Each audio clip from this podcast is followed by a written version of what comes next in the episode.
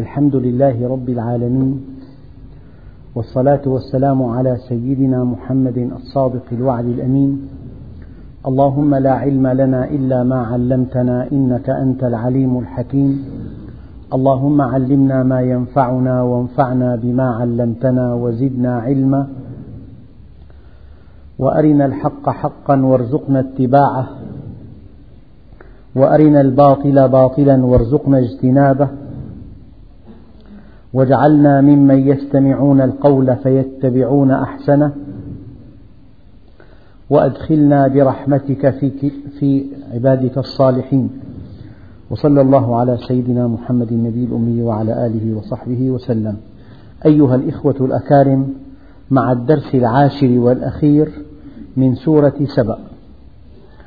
وصلنا في الدرس الماضي إلى الآية التاسعة والأربعين من سورة سبأ. وسوف نمهد لها بالآيات التي قبلها. الله سبحانه وتعالى يقول وإذا تتلى عليهم آياتنا بينات وإذا تتلى عليهم آياتنا بينات. قالوا ما هذا إلا رجل يريد أن يصدكم عما كان يعبد آباؤكم. بماذا طعنوا؟ طعنوا بالنبي عليه الصلاة والسلام. ليس نبيا وليس رسولا إن هو إلا رجل له مصالح شخصية. يريد أن يصدكم عما كان يعبد آباؤكم. إذا هؤلاء طعنوا بنبوة النبي عليه الصلاة والسلام.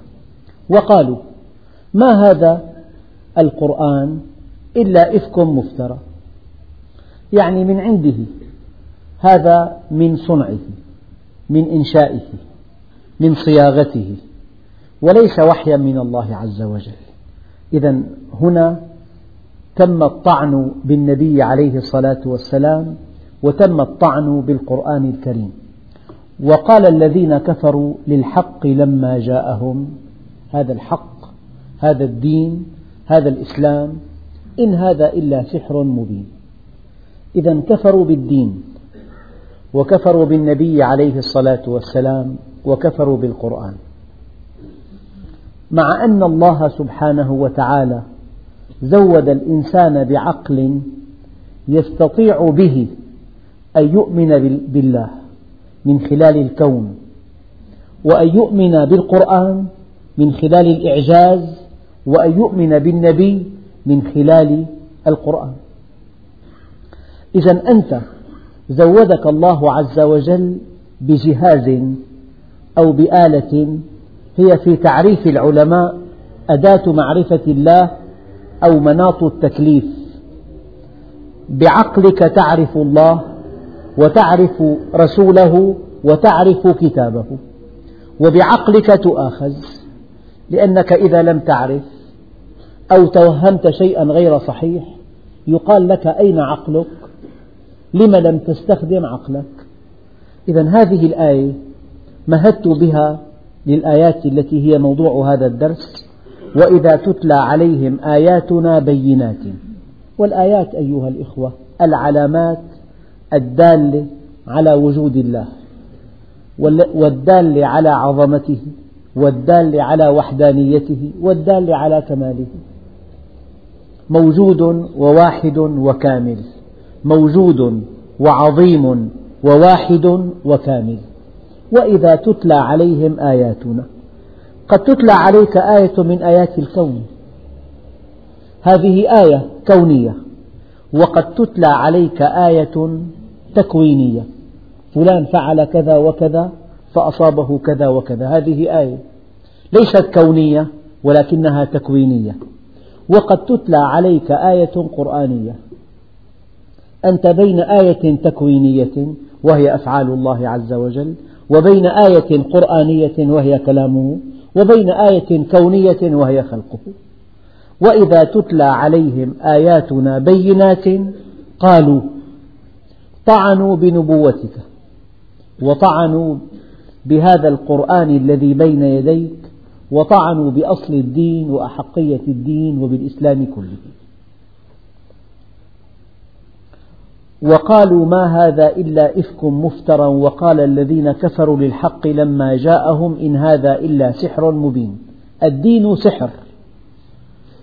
والناس حتى هذه الساعة إذا تدين الرجل واستقام على أمر الله وأحق الحق وأبطل الباطل وقال هذا حرام وهذا حلال وهذا يجوز وهذا لا يجوز وهذا مقبول وهذا غير مقبول. إذا دخل في عالم القيم دخل في عالم المنهج الإلهي أراد أن يطبق المنهج؟ يقال له من سحرك من سحرك. شو من سحرك؟ أريد أن أطبق منهج ربي. يقال له لما, لما هذا التزمت ليس هذا تزمتا وما آتيناهم من كتب يدرسونها وما أرسلنا إليهم قبلك من نذير. يعني أنتم أيها العرب هل جاءكم رسول منكم قبل هذا الرسول حتى تتمسكوا به وتقولوا في ضوء رسولنا إن هذه الدعوة باطلة.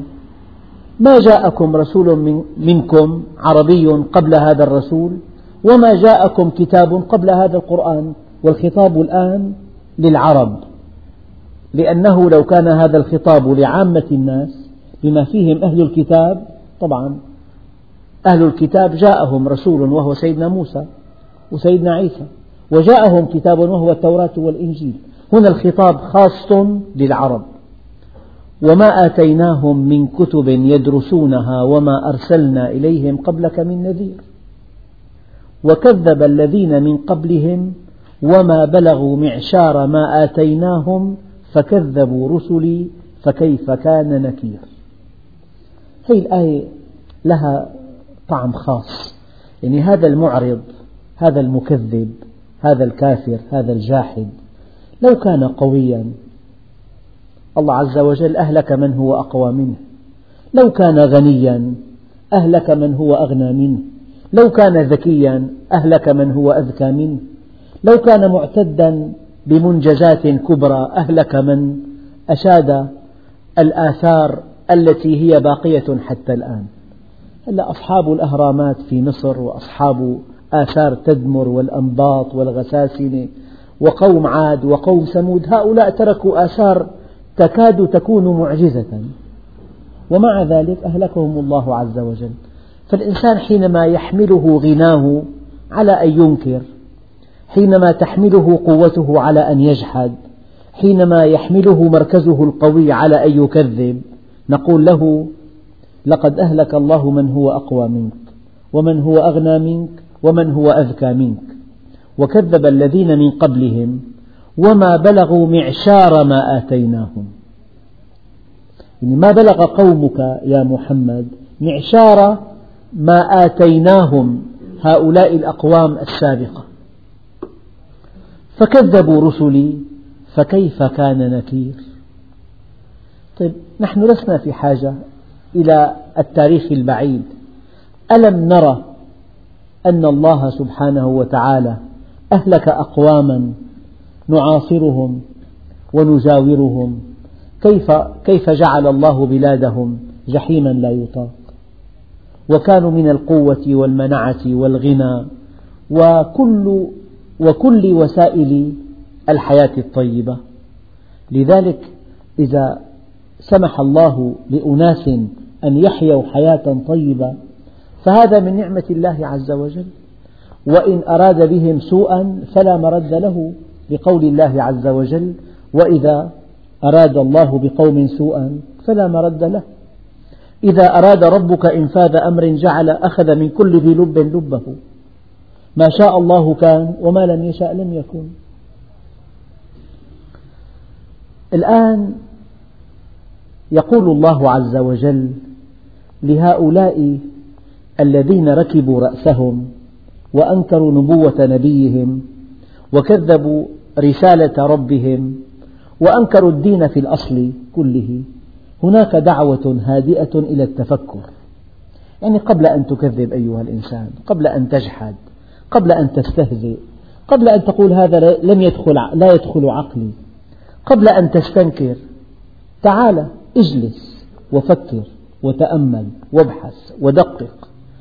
إذا بعد كل هذه الدراسة وكل هذا التأمل وكل هذا البحث والدرس أنكرت نقول لك معك الحق.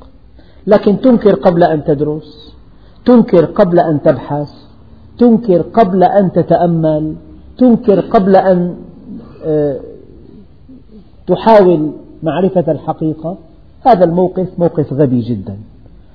اقرأ الرسالة وبعدئذ ألقها في سلة المهملات. أما أن تأخذ رسالة مختومة. لا تعرف من أرسلها ولا تعرف فحواها. تمسكها وتلقي بها في سلة المهملات. هذا موقف غبي جدا. وهذا الذي يعرض عن فهم كلام الله. ويحاول أن يقول هذا كلام لا يصلح لهذا الزمان قبل أن يقرأه وقبل أن يفهمه. هذا موقفه غبي جدا. فيا أيها الإخوة الأكارم قبل أن تصدر حكما قبل أن تصدر حكما ادرس الأمر مليا. قبل أن تحكم دقق حقق ابحث وازن تفهم. هذا موقف علمي. لذلك إن السمع والبصر والفؤاد كل أولئك كان عنه مسؤولا. يعني شاهدت كيف تسأل عن مشاهداتك؟ هذه المشاهدات ألم تستنبط منها حقيقة؟ سمعت هذا الذي سمعته ألم يكن لك إنذارا وتوعية ولفتا للنظر؟ هذا التفكر الذي فكرت فيه لم لم تهتدي, به إلى الله عز وجل؟ لذلك جاء الآن التوجيه توجيه هادئ إلى هذا الإنسان أن يا إنسان قبل أن تعارض قبل أن تنكر قبل أن تهمل قبل أن تكذب قل إنما أعظكم بواحدة. لذلك الداعية الصحيح هو الذي يخاطب العقول ويخاطب القلوب معا.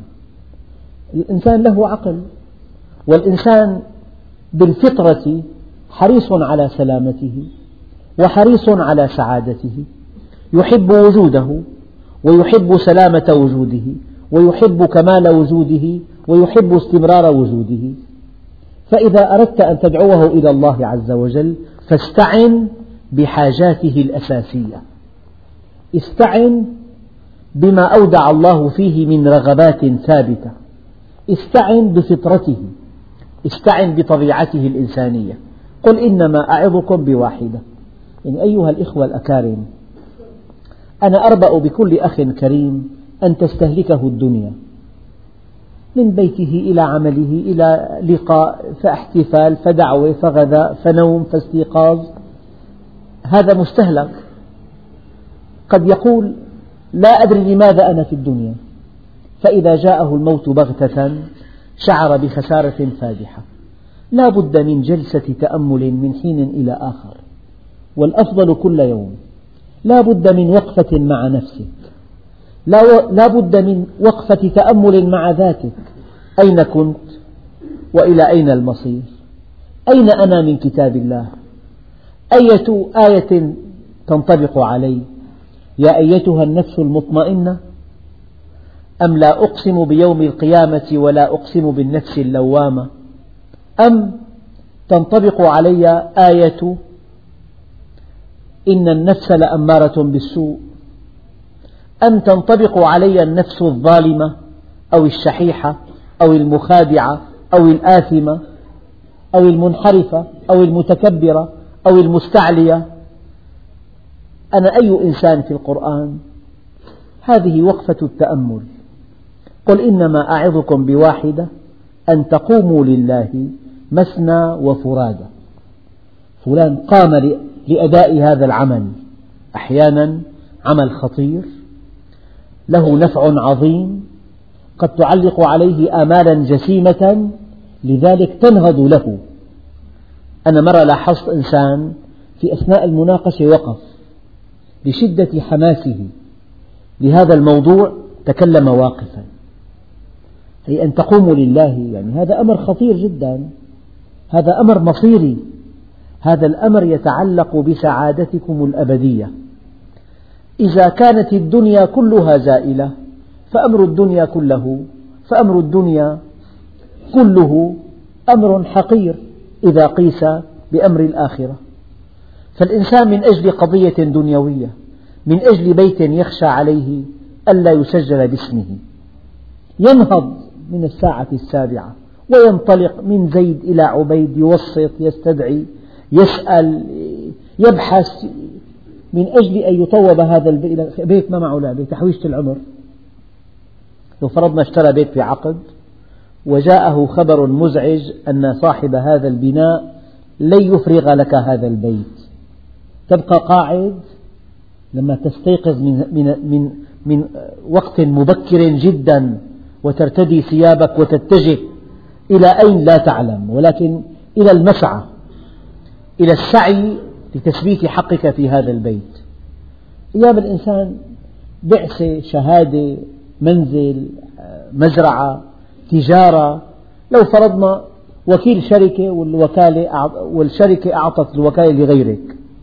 تبقى قاعد تنهض وتحاجج هذه الشركة وتشتكي عليها وتبحث وتسأل كيف السبيل تراسل تأتي بموظف يتقن اللغة الأجنبية.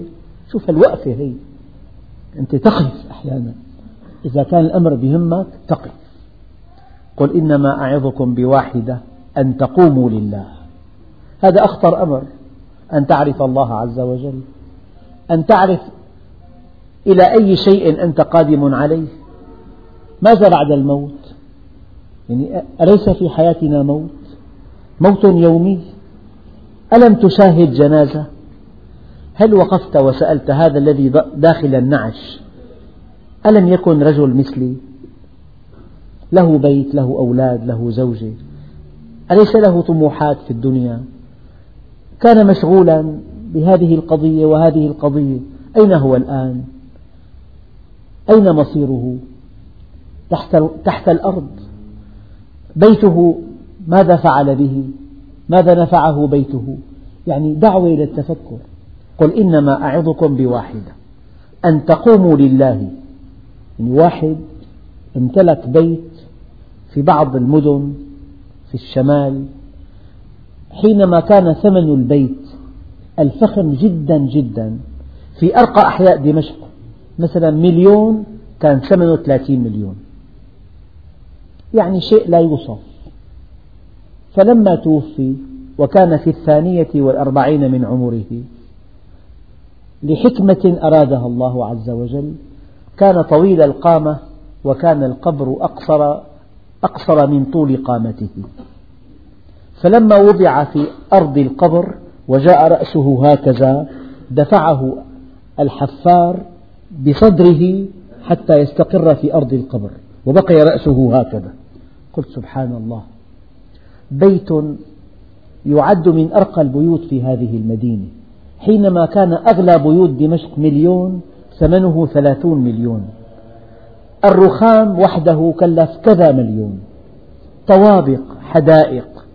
أنا رأيت هذا البيت بأم عيني وقيل لي صاحبه حينما دفن جاء القبر أقصر من طول قامته. فدفع في صدره دفعا حتى يستقر في أرض القبر. قل إنما أعظكم بواحدة. أن تقوموا لله مثنى وفرادى فكر فكر. هذا الدماغ الذي هو أثمن شيء في الكون. أعطاك الله إياه لا من أجل جمع الدرهم والدينار من أجل أن يكون هذا هذا العقل أو هذا الفكر أداة معرفة الله عز وجل. إلى متى أنت باللذات مشغول؟ وأنت عن كل ما قدمت مسؤول؟ قل إنما أعظكم بواحدة أن تقوموا لله. قضية خطيرة جدا. أفمن هذا الحديث أنتم تضحكون؟ أنتم تعجبون؟ وتضحكون ولا تبكون؟ وأنتم سامدون؟ فاسجدوا لله واعبدوا. نعم. أن تقوموا لله مثنى وفرادى ثم تتفكروا ما بصاحبكم من جنة. هذا الرسول هو أعقل العقلاء هو سيد البلغاء هو أعظم المعلمين هو رسول رب العالمين. هذا النبي أحق من يتبع النبي عليه الصلاة والسلام. ما بصاحبكم من جنة رسول مؤيد بالوحي مؤيد بالمعجزات. عصمه الله عن أي خطأ في قوله وفي فعله. مشرع مبلغ أرحم الناس أرحم الخلق بالخلق. لقد جاءكم رسول من أنفسكم. عزيز عليه ما عنتم حريص عليكم بالمؤمنين رؤوف رحيم. قل إنما أعظكم بواحدة أن تقوموا لله مثنى وفرادى بتحب لحالك. ممكن مع أخوك لكن لا تكثر الاجتماع. مثنى وفرادى اجلس لوحدك وتفكر أو حاور أخاك وتفكر. فكر في فحوى هذه الرسالة في مضمون هذا الكتاب الكريم في أمر الله عز وجل في نهي الله عز وجل في حلاله في حرامه فيما انطوى عليه من حكم من أخبار من وعد من وعيد. قل إنما أعظكم بواحدة أن تقوموا لله مثنى وفرادى ثم تتفكروا ما بصاحبكم من جنة إن هو إلا نذير لكم بين يدي عذاب شديد بربك. لو أقدمت على شراء بيت وقال لك إنسان سوف تعلم فقط ولم يزد على هاتين الكلمتين كلمة. ألا تدخل في الوسواس؟ لماذا قال لي لعل هذا البيت في مشكلة لعله مرهون لعل في أساسه ضعفا لعل له قضية لو أقدمت على خطبة امرأة وقال لك شخص سوف تدري ألا تسأل نفسك لماذا قال هذه الكلمة؟ لذلك إن هو إلا نذير لكم هذا النبي الكريم نذير أنذرنا والنذير هو النبي والقرآن نذير. والأربعون نذير والستون نذير والشيب نذير والمصيبة نذير وموت الأقارب نذير. إنذار من الله عز وجل. والأبلغ من ذلك. والإنسان لما يضعف بصره يشيب شعره بينحنى ظهره تضعف ذاكرته تضعف قواه. هذه إشارات لطيفة من الله عز وجل. إشارات لطيفة جدا. أن يا عبدي قد اقترب اللقاء. فهل أنت مستعد له؟ اقترب اللقاء. سؤال لعله محرج. كل منا ليسأل نفسه هذا السؤال. هل بقي بقدر ما مضى؟ كيف مضى الذي مضى؟ إذا كان الذي مضى مضى كلمحة البصر كلمح البصر. إذا الذي بقي سوف يمضي كلمح البصر. وبعد إذن أواجه الدار الآخرة. أواجه الحق أواجه المسؤولية أواجه تبعة العمل. إن هو إلا نذير لكم بين يدي عذاب شديد. نذير ينذرك عذابا شديدا. فإذا اتبعت أمره وأتمرت بأمره وانتهيت عما عنه نهى وطبقت سنته نجوت من هذا العذاب ما بعتقد في واحد من الحاضرين؟ الكرام. يعني خطر الغاز مثلا. بيسمع بيقرأ أنه في رائحة.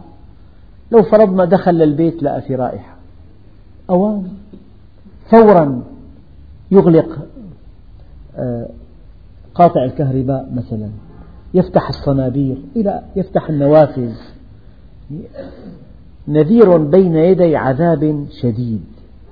يعني الحريق له له مشكلة. المرض له مشكلة. الإنسان حريص على صحته حريص على سلامة بيته حريص على أولاده. يبادر إلى تطعيم أولاده ضد الأمراض السارية. لماذا؟ لأنه في عذاب شديد. الأمراض تعذب الإنسان. فكيف بالعذاب الأكبر؟ لا تنسوا هذه الكلمة. كما قالها الإمام الغزالي لو أن طبيبا حذرك من أكلة تحبها حبا شديدا. ووعدك على تناولها أفظع الأمراض.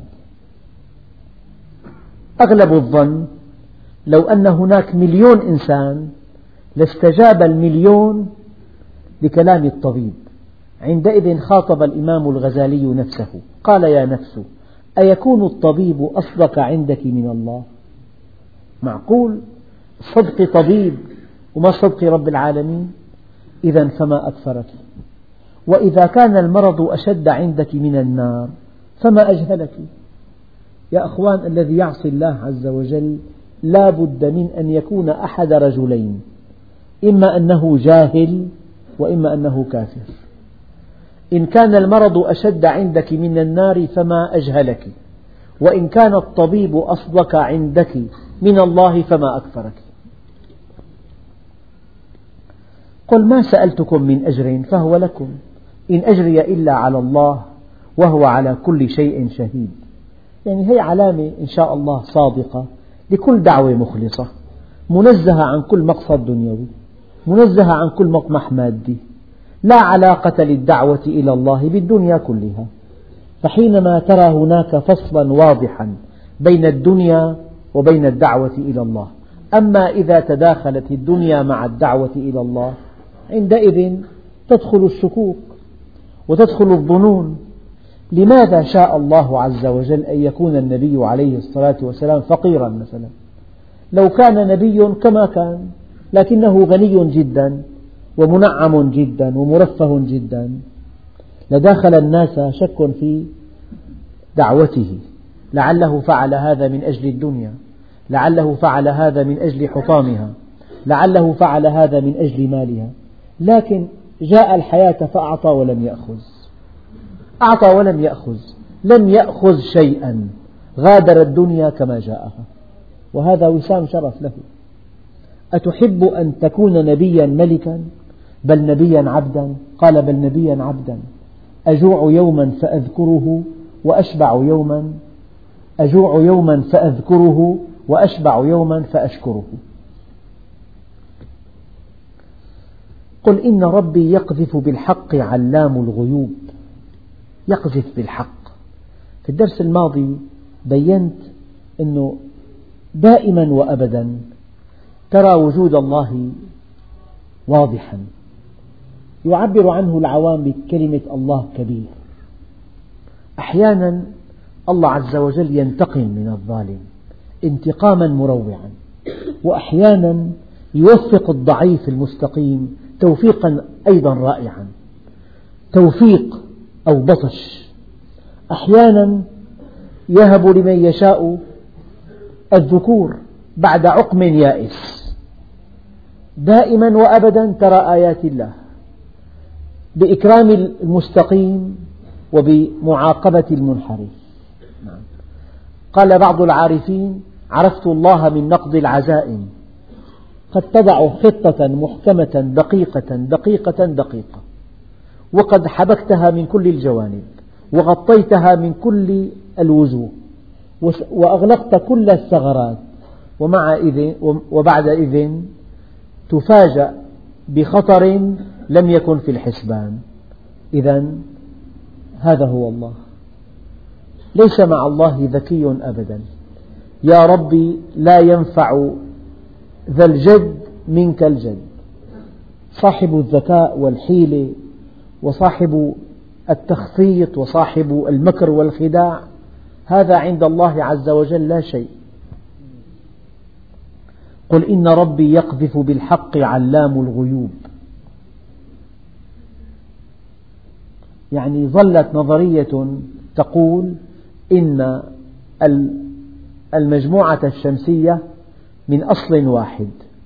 مع شدة الدوران والتبرد أصبحت هذه الكواكب. بعد أن صعد رواد الفضاء إلى القمر وجلبوا عينات من تربة القمر وجدوا أن بين تربة القمر وتربة الأرض بونا شاسعا. هذه النظرية إذا نقضت.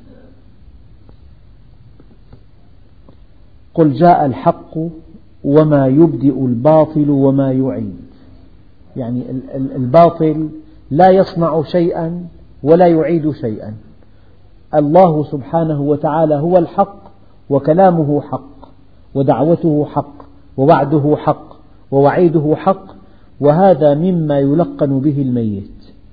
أشهد أن النار حق وأن الجنة حق وأن القرآن حق وأن النبي حق. معنى حق يعني مستقر وثابت. شيء لا يتغير. الحق هو الشيء الثابت. الشيء الذي لا يتغير أبدا. قل إن ضللت فإنما أضل على نفسي. قل إن ضللت فإنما أضل على نفسي. وإن اهتديت فبما يوحي إلي ربي إنه سميع قريب. يعني الإنسان إذا عرف الله عز وجل فهذا من فضل الله. إذا عرف الله واهتدى بهدي الله وطبق سنة رسول الله واستقام على أمر الله وأجرى الله على يده الخير هذا كله من فضل الله.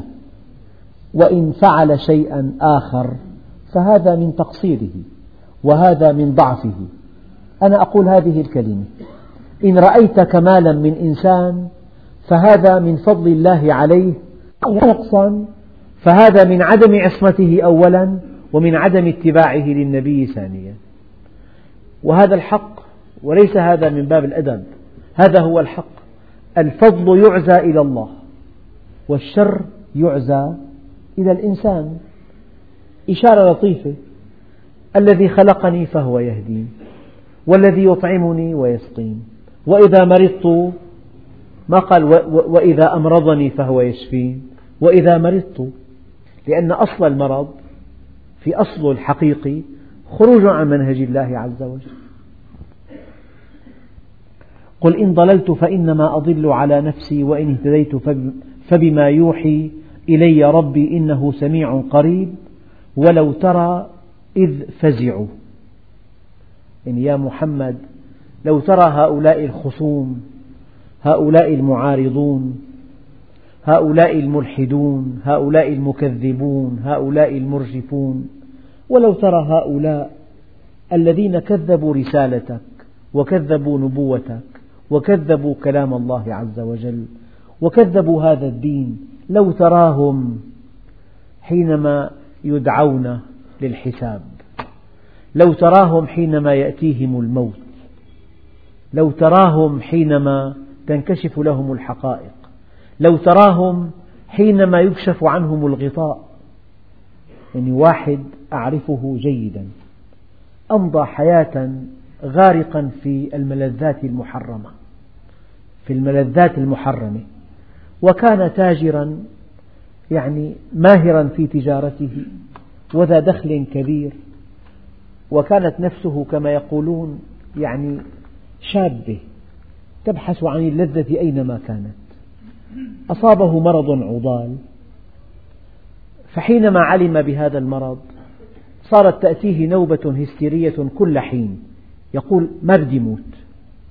قال فلما جاءه ملك الموت روى لي جيرانه أن كل جيرانه في البناء سمعوا صيحة لم يسمعوها من قبل. يعني ولو ترى هذا الذي المتكبر المعاند العاصي الفاسق الفاجر الذي يتباهى بالمعصية. لو رأيته وقد جاءه ملك الموت. لو رأيته وقد عرض للحساب. وقد ولو ترى إذ فزعوا. فلا فوت. فلا فوت. وأخذوا من مكان قريب. أيام بعمله. أيام بسريره. أيام بمركبته. أيام بين أهله. لك نفخة. أيام قبل عرسه. أيام بعد عرسه. قبل أن يسافر بعد أن يسافر قبل الزواج بعد الزواج. في مقتبل العمر الإنسان موته قريب. يعني شو موته؟ يقول لك سكتة دماغية. نقطة دم شريان في الدماغ انفجر. تصافي نزيف بالدماغ ساعتين انتهى. أحيانا الطبيب يصل متأخرا بعد الموت. ولو ترى إذ فزعوا فلا فوت. لا يستطيع أن ينجو من هذا الموت. وأخذوا من مكان قريب. لو تتبعت قصص الموت عند أهل الدنيا تجدها عجيبة. يعني وهو في ريعان الشباب يأتيه الموت من حيث لا يحتسب. وهو في أجمل أيام حياته. وهو في نزهته. وهو في سفر ممتع. وهو بين أهله. وهو في دكانه وهو في متجره وهو في مكتبه وهو يفعل كذا وهو يفعل كذا وهو نائم. فلا فوت وأخذوا من مكان قريب وقالوا آمنا به وأنى لهم التناوش من مكان بعيد. يعني كان عليه أن يؤمن في الدنيا الآن صار بالآخرة. كان عليه أن يؤمن في الدنيا كان عليه أن يؤمن حينما كان شابا. حينما كان قويا حينما كان غنيا حينما كان معتدا بقوته وذكائه وماله. الدنيا وقت الإيمان. الآن أصبح من أهل الآخرة.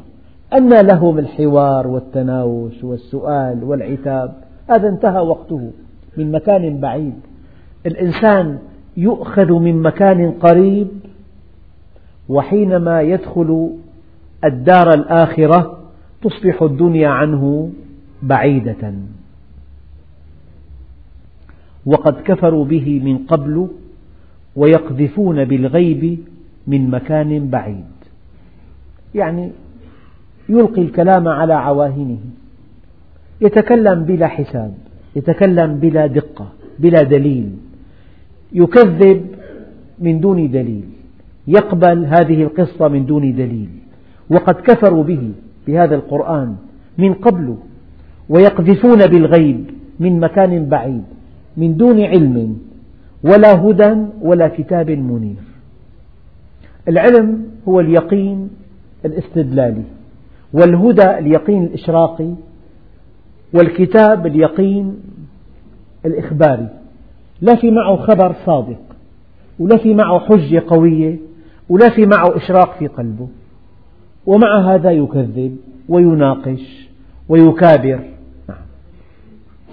وحيل بينهم وبين ما يشتهون وحيل بينهم وبين ما يشتهون كما فعل بأشياعهم من قبل. الحقيقة أن الإنسان يشب المرء على ما شب عليه يشيب المرء على ما شب عليه ويموت المرء على ما شاب عليه ويحشر المرء على ما مات عليه. الإنسان حينما ينشأ على معصية الله يتكون في عنده شهوات آثمة ميول منحطة. هذه إذا استمر عليها وبقي بها معها رافقته إلى وقت حشره. مرة ثانية يشيب المرء على ما شب عليه ويموت المرء على ما شاب عليه ويحشر المرء على ما مات عليه. والإنسان بين خمسة أيام يوم مفقود ويوم مشهود ويوم مورود ويوم موعود ويوم ممدود. أما اليوم المفقود فهو الوقت الماضي والزمن الماضي الحديث عنه لا يقدم ولا يؤخر مضيعة للوقت بذل للجهد بلا طائل. واليوم المشهود هو أخطر أيام الحياة. ما من يوم ينشق فجره إلا وينادي يا ابن آدم أنا خلق جديد وعلى عملك شهيد فتزود مني فإني لا أعود إلى يوم القيامة. هذا ما قاله النبي عليه الصلاة والسلام لا بورك لي في طلوع شمس يوم لم أزدد فيه من الله علما. ولا بورك لي في طلوع شمس يوم لم أزدد فيه من الله قربا. اليوم المورود الموت. اليوم الموعود الوقوف بين يدي الله عز وجل للحساب. اليوم الممدود إما في جنة يدوم نعيمها أو في نار لا ينفد عذابها. وقال بعضهم ما مضى فات والمؤمل غيب ولك الساعة التي أنت فيها. أنت تملك هذه الساعة. ما مضى مضى والمؤمل قد لا تصل إليه. ما مضى فات والمؤمل غيب ولك الساعة التي أنت فيها. وحيل بينهم وبين ما يشتهون. هذه الشهوات الطعام والشراب والنساء والشأن الاجتماعي هذه كلها شهوات تنتهي عند الموت. ويلقى الإنسان عمله. حتى من أمضى حياته في طلب العلم رؤي بعد الموت قيل له يا سيدي ما فعل الله بك؟